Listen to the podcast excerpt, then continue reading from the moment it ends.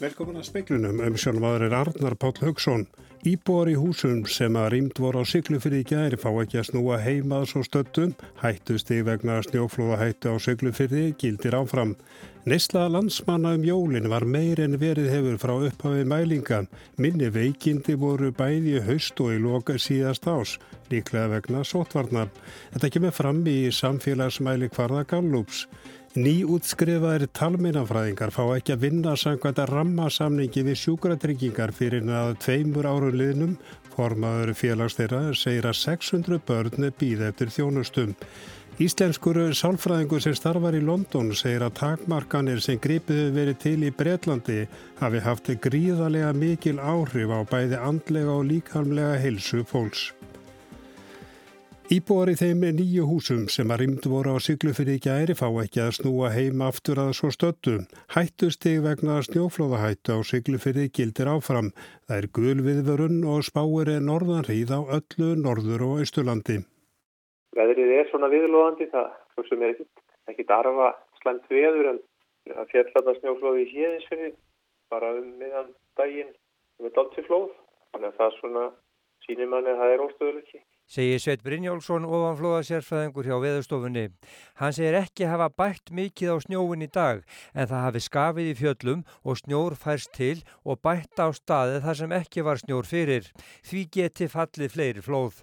Þessi jæljagangur sem búin að vera á síðasta sólaringin, það er alltaf verið að spá fyrir hvað kemur mikil úrkoma í því. En þetta er svona viðlóðandi og, og svipaði vindur alltaf þannig að það getur að skapast hægt að bara þegar að liggur svona í sama veðrinu lengi þó að það sé ekki mjög slæmt veður.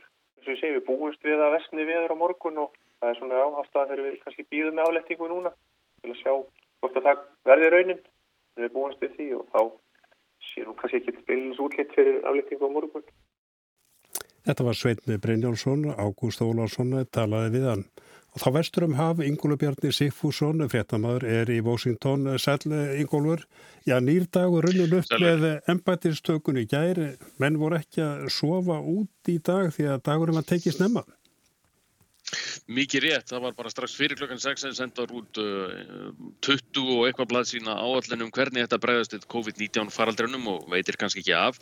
Það vissu fækkaði tilfellum í 44 ríkjum á milli vikna en menn segja að það sé verði líklega skamgóður vermir og það er næri 200.000 sem greinast hér með uh, veikin á hverju meinasta degi og uh, fulltrúar bætinstjórnarinn voru mættir til þess að útskýr þetta allt, allt saman í öllum helstu sjónvás þrétta þáttum morgunsins. Raunar tala um það í leiðinni að Trump uh, stjórnin hefði skilið upp til sveina jörð og ekkert plan. Uh, Bætin allar í dag skrifum við held ég einar tíu tilskipanir sem snúa að viðbröðum við COVID-19 svo sem skiptir líklega mestu máli eh, gerur honum kleift stríðstíma heimild að, að, að skilda fyrirtæki og varsmiður til þess að framleiða búna sem skortur á. Það eru ekki síst að tala um uh, N95 grímur sem notaður eru á sjúkrahúsum, uh, sloppa á annað sem ennþá uh, mörgum ánuðum eftir að þessi faraldur braust út er bara mikill skortur á. Þannig að skilabóðin eru fulláta fólkið mætti vinna og það er að vinna fullu og COVID er efst á bladi. Ég sá að hann byrjar að lofa, kannski berið minn á sér, hann lofar 100 miljónum skamt af bólöfni á fyrstu 100 dögum í ennbætti, hefur þú séð það? Það passar, það eh, kom fram í gera að það væri líklega bara um 16 miljónir sem hafa verið bólusettar til þessa. Eh, það er byrðir sem að Trump-stjórnin ákvaða að opna neyðarbyrður og nota þær þegar það átti að fara hann að nota þær þá komið ljós að það var búið að nota þær. Þannig að uh, það verður sannlega á brattan að sækja að uppfylla þetta lofur og, og uh, ég hugsa að maður gefa hann ekki mikið svigrum til þess að finna leiðir til þess að skauta fram hjá því ef það tekst ekki. Ingólu Bjarni, þú ætlar að fella nánarum í fréttur sjónvars klukkan 7. Þakka þér kærlega fyrir. Neysla landsmanna um síðustu jól var meir en verið hefur frá upphafi mælinga Gallups. Minni veikindi voru meða landsmanna bæði höst og í lók síðast ás, líklega vegna sótvarna. Andleg líðan mæltist hins ver verri þegar að fyrsta og þriðja bylgja faraldusins stóð sem hæst. Þetta kemur fram í samfélagsmæli hverða Gallups sem er könnun sem gerð hefur verið í rúman áratug og byggist á spurningum um lífskjör og líðan landsmanna. Andleg líðan landsmanna hefur ekki mælst verri frá upphafi mælinga 18% þáttakanda leið illa í mars. Þá var fyrsta bylgja faraldursins í hámarki, samkomi takmarkanir voru settar á um miðjan mars og fyrstu Íslendingarnir létust vegna farsóttarinnar í lók sama mánadar. Líðan fólks virðist haldast í hendur við þróun faraldursins hér á landi. Andleg líðan mæltist álíka slæm í november þegar þriðja bylgja hafi staðið í tvo mánuði. Samkvæmt samfélagskvarðanum eittu landsmenn að meðaltali rúmum 10.000 krónum á dag, dagana fyrir og eftir jól í fyrra. Mesta eðslan sem mælst hefur fram að þessu var líka í kringum jólinn eða rúmlega 9.000 krónur á dag árið 2012 á núverði. Þá voru færri fjárverandi úr vinnu vegna veikinda og meðal faraldurinn stóð sem hæst hér á landi. Sérfræðingar Gallups telja það skýrast af sóttvörnum. 10% voru veik í mars með að við 17 til 19% árið á undan. Svipaða sögum á segjum veikindi í haust í þriði bylgu þá voru 10% veik en 13 til 18% árið á undan. Hólfríðudagni Fríðjórsdóttir saði frá. Félag talmennafræðinga gaggrínir að nýútskrifaðir talmennafræðingar þurfa að vinna í tvö ára eftir útskrift áður en þeir komast á samningja og sjúkratryggingum Íslands um 600 börn býð eftir þjónustu og býðin sé tvö áren mikilvægt sé að grýpa snemma inn í. Formar félags talmennafræðing á Íslandi segir að samkvæmt rammasamningi við sjúkruðingar Íslands fái nýjútskrifaður talmennafræðingar ekki að starfa sjálfstætt samkvæmt samningnum. Árið 2017 hafi verið bættin ákvæði rammasamning um að þeir þurfa að afla sér tveggjáru reynslu áður eða þeir komast á samningin. Einu störfin séu þá hjá ríki eða sveitarfélögum en erfitt sé að fá vinnu þar. Þetta sé mjög bagalegt því löngbið sé eftir þjónustu þeirra börn sem eru með alveg frávik í frambyrði og málþröska og hverju sem kemur að tala um málmennum og þurfa virkilega svo þjónustu að halda. Þetta eru, við erum að tala um uh, tveggjára byggðlista og þetta eru börn sem að þurfa mörg á snemtakar ílutun að halda og megarinn ekkert býða segir Kristín T.H. Þóraðinsdóttir formaði félags talmennafræðinga. Hún segir stjettina fámenna en talmennafræðingarnir sem umræðir hafi lokið háskólanámi í talmennafræði og notið sex mánu að handliðslu í framhaldinu. Að sögn hennar býða um 600 börn eftir þjónustu og sumir talmennafræðingana, sem ekki með að starfa sjálfstætt, vilja vinna úti á landi. Það er erfitt að fá þjónustu á landsbyðinni og þetta eru talmennafræðingar sem hafa tengst við landsbyðina og vilja fara að vinna þar þetta er virkilega hamlandi í rauninni fyrir stjættina að það sé ekki hægt að búa um það að þeir geti starfað eh, á rammarsamningum. Kristín segir að reynda að vera semja við sjúkrátryggingar Íslands segir þeirra um mætt skilningsleysi. Helbriðsar á það hafi verið skrifað bref þar sem óskar eftir stuðningi. Hún segir að sínt hafi verið fram á mikilvægi þess að grípa snemma inni hjá börnum sem þurfið aðstóð. Það get ekki beðið. Þetta er málstökusskeiði sem er svo mikilvægt skeið hjá þessum börnum þannig að við vonum bara að hérna, það sé að breyta þess og, og bæta þjónustuna. Þetta var Kristíni T.H. Þóraristóttir, Haugur Holm, saði frá. Björg Sigriður Hermansdóttir sem starfa sem sálfræðingur í London segir að takmarkanir sem er greipiðu verið til í Breitlandi hafi haft gríðarlega mikil áhrif á bæði andlega og líkamlega heilsu fólks þar. Það sem mér sínist er að, að þessi, þessar aðgerðar, þessi útgöngubann hefur haft gríða miklar afleðingar fyrir samfélagið í heilt og það þetta segir sér sjálft að, að svona harðar takmarkanir hljóta að hafa alvarlegar aukaverkanir. Það er ekki bara það að, að geta haft áhrif á smitt, þess að til eins betra, heldur hefur það gríðarlega áhrif á, á bara dælis lífhóls og heilsu andla og líkamlega og félagslegar aðstæðir og það er þetta hlæðst upp eftir því sem að lengri tími líður. Og kannski eins og þetta var kynnt í upphafi þá átti þessi, þessi harða aðgjörð, þess að útgangubann átti bara að vera svona bráða byrðar úrræði, þess að neyðar úrræði og átti bara að vera í mjög stuttan tíma eins og auðvitað hefur það dreyjist mjög á langin og verið nýtt sem sagt aftur og aftur sem úrræði og nú verður staðan vera þannig að það sé ekki fremdan á því og það verður talað um að, að þetta útgangubann sem er í gildi núna gildi jáfnvel fram með páska. Og það verður nánar að tala við Björgu Sigriði síðar í speiklinum. Hættir á að fólk sem vinnur af sér að hátegismatin í vinnunu og sleppir því að taka sér hlýje getur orðið sjösunum berskjaldara fyrir andleiri og líkanveri þreitu og kvillum en þau sem að borða hátegisverði í róleitum. Þetta sína nýja rannsóknir við háskólan í Inlandsfylki í Nóriði. Norska ríkisútvarpið greini frá þessu. Leif Ríðsteð sem fór fyrir rannsókninni segir dugna að þessu tægi reynilega geta verið hættulegan að hans mati likur mikil helsu farslegur ávinningur í að geta slakað á meðan á vinnudegi stendur jafnvel með því að skreppa út og fá sér til dæmis fríst loft.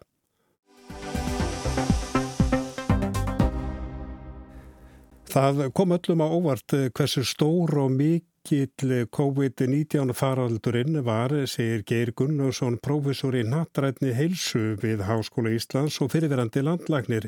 Nú standi heimsbyggðin öll og sérstaklega ríkari löndi fram með fyrir síðfræðilegum spurningum um forgangsröðun í bólusetningum. Sen verður eitt ára liði frá því að alþjóða heilbreyðismálastofnunin lísti við neyðar ástandi á heimsvísu vegna kórunu veirunar. Við erum í dag yfir 90 miljónir tilvika og það er öllundi heiminu að kljást við þetta og ég held ekki að nokkur okkar hefði geta ímynda sér hvernig þessi faraldur hafði síðan áhrif á okkar daglega líf og hvernig við höfum raunverulega verið sett bara stoppa hver og einn að sjá hann sjálfa sig, loka landamærum, loka skólum, útgöngubann. Ég held ekki að að ég hef haft hugmyndaflug til þess á þeim tíma þegar þetta var að byrja. Þetta er sannlega heimsfaraldur og við erum búin að búast við heimsfaraldri, aðalega influensu sem hefur verið í fókus.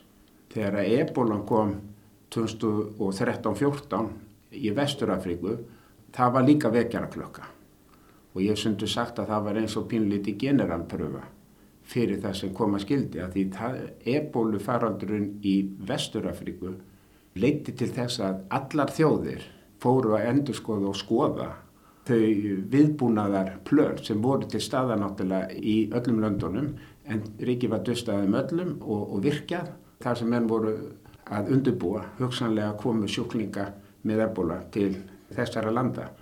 Líka hér á Íslandi þá voru við líka undurbúku og þá voru við mjög hrættum það að við myndum ekki ráða við nema 2-3 ebolu veika einstaklinga annars myndi kerfi fara á aðra liðina. Þannig að eh, við erum samtímið sem við reikna með því að það gæmi faraldur að þá er raunveruleikin annar en kannski við gátum séð fyrir. Að því raunverulega líka það að takmarka flugsamgöngu, takmarka samskiptu millir landa verslun og viðskipt og ymmislegt annað, það var raunverulega ekki í þessari alþjóða heilbyrðisarflíkjar. Það átti að halda landamærum opnum. Þannig að þessar stórtæku, gríðalögu, samfélagslegu aðgerri sem voru gerað, við erum náttúrulega margsvísari á þessu ári, getur við sagt. Síðan gerist það í apríl að það er gerður svona alþjóðlegur sáttmáli, svo ætlaður COVAX sáttmáli um að þjóðir heimis og ekki bara þjóðir heldur fyrirtæki og allskynstofnanir innu saman að því að breyðast við þessum faraldri. Hvað felst í þessu COVAX samkóðulegi? Það var alþjóð heilbyrjusmálastofnunin, Evrópusambandið og Frakland og síðan aðra þjóður sem komið sér saman og það sáu fyrir að hér þurfum við að vinna saman. Þetta er alþjóðlega heilbyrjusók sem við verðum að leita að lausna saman á og þá byrja strax að segja við þurfum að fá bólefni. Við höfum ekkert bólefni og þá er þetta átak til þess að greina meðferð og bólefni til þess að tryggja að allar þjóðir gætu ráðið við faraldur þegar hann kæmi til þeirra. Og þá verum menn líka sem meðvetun um það að mörglönd, fátaglönd, hafi ekki innviðina, hafi ekki réttu tækin og tólinn til þess að gera þetta á eigin spýtur og það var hugmyndinu bakveða. Þannig að þetta COVAX gengust inn á það að þeir eru að halda utanum og að tryggja að bólefni berist til jæmt til allara þjóða þar sem þarfir á að því það er auglust að þetta, þetta snertur okkur öll, alveg sama hverju búin. Og hefur það tekist? Það hefur tekist í sjálfu sér að þeir eru búin að gera samkomin og reikna með að þeir hafi 2 miljardar skamta bólefna fyrir lók þessa árs. Og ætlunin er að dreifa þessu jafn til allra landan en samtímis er það það að það er augljóst að það eru ríkulöndin hafa verið að gera samninga við hliðar við þetta átak og uh, hafa verið að veðja þá ákveðin bólefni sem þeir vildu taka til sín og gerðu fyrirfram samninga og eru þannig fyrir röðinni og borguðu kannski meira fyrir akkurat þessu bólefni. En það vissi enginn þegar fyrstu samningarnir voru síðan gerði, þessi tílhega samningar, þegar lönd voru að gera þetta í júni, júli, að hvaða bólefni myndi fyrstulega vera virt, það er eitt stóramáli og hvenar þeir eru tilbúið. Þannig að í dag er það þannig að það eru ríku þjóðurnar sem sitja að þessum helstu skamtunum og stæstu skamtunum sem hafa verið framlitið. Mér skilst á Pfizer hafi framlitt 50 miljón skamta á síðasta ári og þeir búist við að framleiða yfir miljard skamta á þessa ári. Það er að segja að þetta Pfizer eh, bólefni sem menn hafi verið nótt og Moderna kemur síðan líka með eh, eitthvað svipað en það er augljóst að skamtarnir munu á miklu mæli fara til ríkralanda og þetta er náttúrulega siðfræðilegt vandamál. Spurningin er, kemur okkur við hvað er að gerast í fátakulöndum? Þurfa þau minna ás að halda en við? Og svar við því að mínum þetta er nei, við þurfum alþjóðlega samstöðu að því ef þessi faraldur geysar eitthvað staðar þá er hann, mun hann alltaf valda ógn hjá okkur. Jafnvel þó við séum kannski í varin, kannski með bólefni, en mun sannarlega flækja samskipti á milli landa og mikilvægt að lönd komið sér saman um að reyna að skiptu þessu jæmt á milli sín. En forstjóri alþjóða helbriðismánastofnunarinnar, Tedros, hann let nú ríku þjóðurnar dálítið heyra það, hvað fyrir tveinu, trefnu dögum, svo bara smetliði yfir íslensku að, að þessa þjóður sé að pissa í skóin sín. I call on all countries to work together in solidarity to ensure that within the first 100 days of this year, vaccination of health workers and older people is underway in all countries. Together, we must change the rules of the game we call on these countries to give much greater priority to COVAX's place in the queue and to share their own doses with COVAX, especially once they have vaccinated their own health workers and older populations so that other countries can do the same.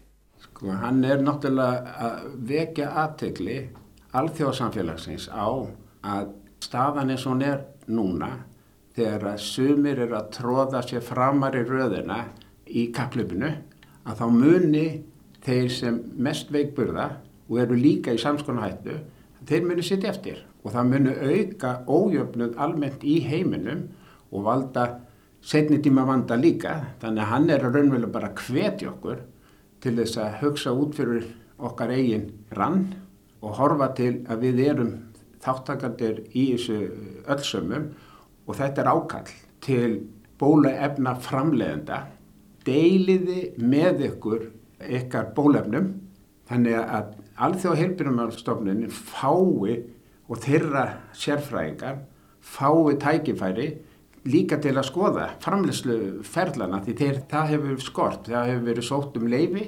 til eh, Evrópussambansins, það hefur verið sótt um leifi hjá í bandaríkjónum en eh, alþjóða heilbyrjumálstofnunin hefur verið sett til hliðar og þeir eru að býða eftir samskon og gögnum fyrir sig og, og telja að þetta sé vandamál sem uh, þurfa að leysa hrætt. Þetta er fallið hugsun en þegar uppi staðið er þá ekki bara hver sjálfnægsin næstur? Það er hættan og þá er vitum alltaf niðurstöna. Við tennumst í ríkara landa, Ísland og ég hef haft á tilfengina við Íslandinga tennum að við ættum bara bólusitt alla, við veitum hvað sem er svo fáið skamtar að, að við getum bara bólustótt okkur öll, bara 1, 2, 3 og svo getum við bara byrja að lifa lífinu og opna allar dyr og allir getur komið hinga eins og þið vilji. En uh, það er ekki svo einfalt og ég tel að það hafi verið jákvæmt að við lögum okkar framla með sumars þegar það var júni síðastlegin. Ísland gerir það sem er mjög jákvæmt, þegar við styrkja líka viðbúnað í Malawi og Uganda sem er líka jákvæmt, það eru samstafslund okkar. Ég held ekki að við getum verið ánam okkur sjálf þegar upp í staði að við ætlum bara að tróðast fram að þau með fjármagn. Því síðan eru önnu ríki líka í kringum og þau eru miklu ríkara við og miklu sterkari. Þannig að, ég tel að það hefur verið jákvægt skref og jákvæð ákvörðun þegar ákveða ganga til samstagsvið, Evrópusambandi og þessi stóru samflott eins og við gerðum. Það er skynsælega ákvörðun og hún er til heitla þegar til lengri tími liti. Sagði Geiri Guðlaugsson í samtala við Kristján Sigur Jónsson.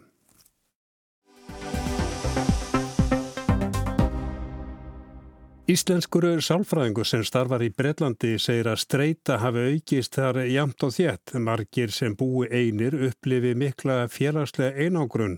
Sumar af hennar skjólstaðingum hafi verið einir allt frá því fyrra vor. Björg Sigriður Hermannsdóttir í sálfræðingur hefur undanfarið fimm ára starfað í Breitlandi og þar áður í námi og við störfi bandaríkjónum í átta ár. Frá því haust hefur hún rekið sálfræðistof í London. Hún segir að líðan fólks og sinna skjólstæðinga sé mismunandi vegna COVID-19. Fólks sé hrættið að smitast og smita aðran. Fjölmargir upplifi erfileika vegna útgöngubansins og annara takmarkana sem hafa staði yfir í nokkuð langan tíma. Það er allir finna ykkur leiti fyrir ástandinu en það er mjög sem hvernig fólk upplifa það fyrir eftir félagslegum aðstæðum fólks og svo hvernig það upplifir sem sagt fréttir af smitum og COVID-faraldunum sjálf segir Björgi Vittali við Þórtísi Arljósdóttur fréttamann. Sótvarnareglur og takmarkanir í Breitlandi hafa verið talsvert strángari en við þekkjum hér heima. Björg segir að útgöngubann hafi verið sett á setni hluta marsmánuðar í fyrra sem áttu uppálega að standa yfir í þrjárvíkur en það hafi staðið fram í júni. Hörðu takmarkarnar byrjuði mjög snemma og hafa svo verið enduteknar eh, þessu tvö allsverjur útgöngubönd sem hafa verið sett á síðan þá og við erum í einu slíku núna sem að þetta á milli jól og nýjás og sér í raun ekki fyrir endan á. Í stuttumáli er staðan á útgöngubannu þannig að fólk má fara út til að sinna svona nöðsulegustu verkum. Það má fara út að reyfa sig einu svona dag, mæta í vinnu ef það getur ekki unni heima frá sér og fara út í búð og í, og í apotek, svona sinna allar nöðsulegustu verkum. Og skólar eru lokaðir nema fyrir bara uh, leikil starfsfólks eða fólk sem getur ekki unnið heima frá sér. Hún segir að flestir upplifi að einhverju leiti innilókunar kendi í þessu ástandi. Allt félagslífið sé komið á hliðina. Og fólk eh, er aðskilið frá, frá fjölskyld og vinum jáfnvel og, og má í rauninu ekki heimsækja nákvæmlega mann núna eins og, eins og staðan er núna. Þannig að margir finna, finna vel fyrir því en svo er þetta eru aðstæðar fólks mismunandi, fólk til dæmis sem býr eitt, eh, margir upplifa mikla félagslegin ákvörðun og og hefur ég að verið eitt í, í núna mjög langan tíma. Eh, Sumur af mínu skjálfstæðingum og fólki sem ég talaði í gegnum vinnuna hefur jáfnvel ekki farið út fyrir húsins styr nánast síðan fyrra vor og það hefur gríðarlega áhrif á bæði andlega heilsu og líkamlega heilsu líka og skerðist reyfing og, og bara svona grunnatrið eins og fá ekki dagspyrtu og, og, og verki kringum hana fólk. Og svo aftur á móti eru aðrið sem að búa jáfnvel með heimilsfólki eiga börn og það finnur þá fyrir takmörkunum á annan hátt þar sé ekki endilega fyrir einangrun heldur því að, að hafa of mikla nándi og of langan tíma þú veist að komasturinn ekki uh, út og, og, og hafa ekki pláss fyrir, fyrir svona aðra hluta en að vera í kringum fjölskylduna og, og það er þetta eigur streitu og margir fóreldra finna fyrir því núna og sérstilega þegar skólar eru lokaðir það er ég vel erfitt með að vinna heima frá sér þurfa að sinna heima ná með batna á sama tíma og vil hafa ekki nægan stöðning þannig að streita sínist mér hafa aukist bara út um, út um allt samfélagið, jæmt og þétt. Hver eru svona vestu byrtingaformin sem að þú hefur séð á streitu núna í þessum útgöngubönnum? Það eru að tekur á sem marga myndir, streita þetta getur komið fram í, hún hefur auðvitað áhrif á ónæmiskerfa, okkur og líkamlega heilsu, þannig að um, einhverjir getur upplifa streituna þannig, en svo líka getur hún komið fram í kvíðaengjunum, um, sumir sem að eru mjög sættir við snuð, upplifa jáfnvel svona hálfgerðan ofsakvíða og, og, og er ég að vel að lesa fréttir dag eftir dag sem að þetta bæta við kvíðan og óttan við, við að smitast eða smita aðra. Eh, þannig að kvíði hefur aukist hjá sumum, eh, fólk sem upplifir einangrunn eða, erfiðar félagslegar aðstæður getur auðvitað upplifað þunglindisengjenni eða, eða að verða svona funkt í skapi og, og streyta auðvitað hefur áhrif á það líka. Eitthvað virðist, virðist vera sjálfsvíks eh, tilraunir eða svona fólki sjálfsvíks hættu hafi fjölgat það er erfitt að segja til um það því að uh, tölur hafa ekki verið byrta sérstaklega fyrir síðasta ár þannig að það er svo sem erfitt að segja eða fullir það um það núna en það svona með heyrist að fólk sem er upplifið vonleysi og er komið í svona krísu ástand hafi, að því hafi fjölgað. Björg starfaði við háskóla allt þar til í haustu við að veita nefndum sálfræði þjónustum. Hún segir að sótvarnatakmarkanir hafi haft mikil áhrif á nefndur og að krísutilfellum hafi fjölgað mikið. Þeim hafi fjölgað enn meira eftir að hún hætti í haust. Þessar nefndum sem eru þá í sjálfsvíkshættu, ég vil upplifa heimilisofbildi, eru fast á heimili með ég vil gerendum eða í mjög erfiðum aðstöðum, nefndum sem hafa mist vinnu, þannig sem margir nefndur sem mistu vinnu í þjónustu geranum og, og jafnvel eru þá í hættu að missa heimili líka og, og lenda heimilisleysi. Þannig að svona allsverjar krísutilfellum hefur fjölgað mjög þar. Hún bendur á að það sé erfitt fyrir fólk sem þarfa á bráðaþjónust að halda að komast í meðferð. Það sé erfiðara eftir að faraldurinn hósta á sama tíma sem tilfellum hafi fjölgað. Það verður halda svolítið í hendur að bæði hefur eftirspurn aukist eftir þjónustu, allsherjar þjónustu uh, og aðstóð, bæði ekki helbreyst þjónustu og félagsverði þjónustu og á sama tíma verður að, að þjónustu hafi dreyst saman eða ég fælt um, svona beilista hefur lengst og, og svo þjónustu sem var í bóði áður sé ekki eins aðgengileg núna þar sem margt hefur lokað. Hún hefur átt þess kost að komast þeim til Íslands eftir að faraldurinn hófst. Hún segir ljóst að harðar aðgerir í Breitlandi hafi haft mikil áhrif á samfélagið. Og kannski eins og þetta var kynnt í upphafi þá átti þessi, þessi harða aðgerð, þess að útgangubann átti bara að vera svona bráða byrðarúræði, eða sérst neyðarúræði og átti bara að vera í mjög stuttan tíma en svo auðvitað hefur það dreyjist mjög á langin og verið nýtt sagt aftur og aftur sem úræði og nú verður staðan verið þannig að það sé ekki frendan á því og það verður talað um að, að þetta útgangubann sem er í gildi núna gildi jáfnvel fram með páska og, og verður því jáfnvel notað aftur í framtíðin ef að e, smetum fjölgar sem að, sem að gæta auðvitað gæst ég veit að þú ert náttúrulega ekki á Íslandi núna þóttu fylgist með frettum heima getur eitthvað borið saman sagt, takmarkanir hér og áhrif þeirra og takmarkanir hjá þér? E, það sem er heyrist og ég hef nú haft tök á því sem betur það að koma heim e, núna þrís og sinnum á, á síðasta ári sem er e, sem ég er mjög þakklátt fyrir og, og hef fundið það alveg sjálf hvaða er ég, mér er vel létt þegar ég kem til Íslands og ég finna það er um, svona afslappara andrúmsloft þó að ég finni líka að, að takmarkanir og, og, og faraldurinn hafi valdið mjög mjög breytingum á Íslandi og ég finn það þetta því að heima líka. En þessu takmarkanir sem hafa verið settar á í Breitlandi hafa verið bæði harðari, hafa varað í lengri tíma og það hefur verið gengið lengra, það hefur verið gengið mun lengra en ég sjálf átti búin á að breytar myndi að gera svona þjóð sem hefur haldið svolítið í, haldið svolítið frelsun og lofti og, svona, kannski var ekki land sem ég hefði grunað að myndi ganga svona langt í svona hörðum taknarskonum. Þannig að ég, ég fundið mikinn mun og, og ég er ósalega fegin, ég glæðist fyrir hönd ísendinga að, að geta svona aðeins um frjálsara höfuð strókið heldur en við gerum hér. Þetta var Björg Sigriður Hermannsdóttir, Þórdís Arnljósdóttir talaði við hana og við sögum frá því áðan að það eru gula viðvarnir fyrir eh, norðan á Siglufyrði og viðar eh, á líklega á Tröllaskagan og líka fyrir austan og það vistar að kíkja það. En eh, veðurspáin hljóða svona. Norðan og norðaustan 8 til 15 metrar á sekundu en sumstaðar kvassari vindstrengir síðra ég leða dálit til snjókoma á norðanverðurlandunum en bjartið sunnan heiða. Norðan 10 til 18 á morgun og bætir í ofankomu fyrir norðan en áfram úrkomu löst að kalla sunnan til frost viða 1 til 6 stík en frostlaust sýrst og austast. Og við sagðum frá því mitt að íbúar í húsum sem rýmt voru á syklufyrri í gæri fá ekki að snúa heim að svo stöttum, hættusti vegna snjóflóðahættu á syklufyrri gildir áfram. Og við sagðum líka frá því að næsta landsmann um jólinn var meirinn verið hefur frá uppafi mælinga, minni veikindi voru bæði haust og í lók síðast ás og það er líklega vegna sótvarna. Þetta kemur fram í samfélagsmæli hvarða Gallups og nýjútskrifaðir talmeinafræðingar fá ekki að vinna sangvært að rammasamningi við sjúkratryggingar fyrir að tveimur árum liðnum. Formaður félags þeirra segir 600 börn býða eftir þjónustum. Íslenskur sálfræðingur eins og við heyrðum hér áðan sem starfar í London segir að takmarkanir sem greipið hefur verið til í Breitlandi hafi haft gríðarlega mikil áhrif á bæði andlega og líkamlega heilsum. En það er ekki fleira í speklunum í kvöld og við minnum á sjómansveitir klukkan 7. Tæknumari útsendingu var Jón Þór Helgarsson, veriði sæl.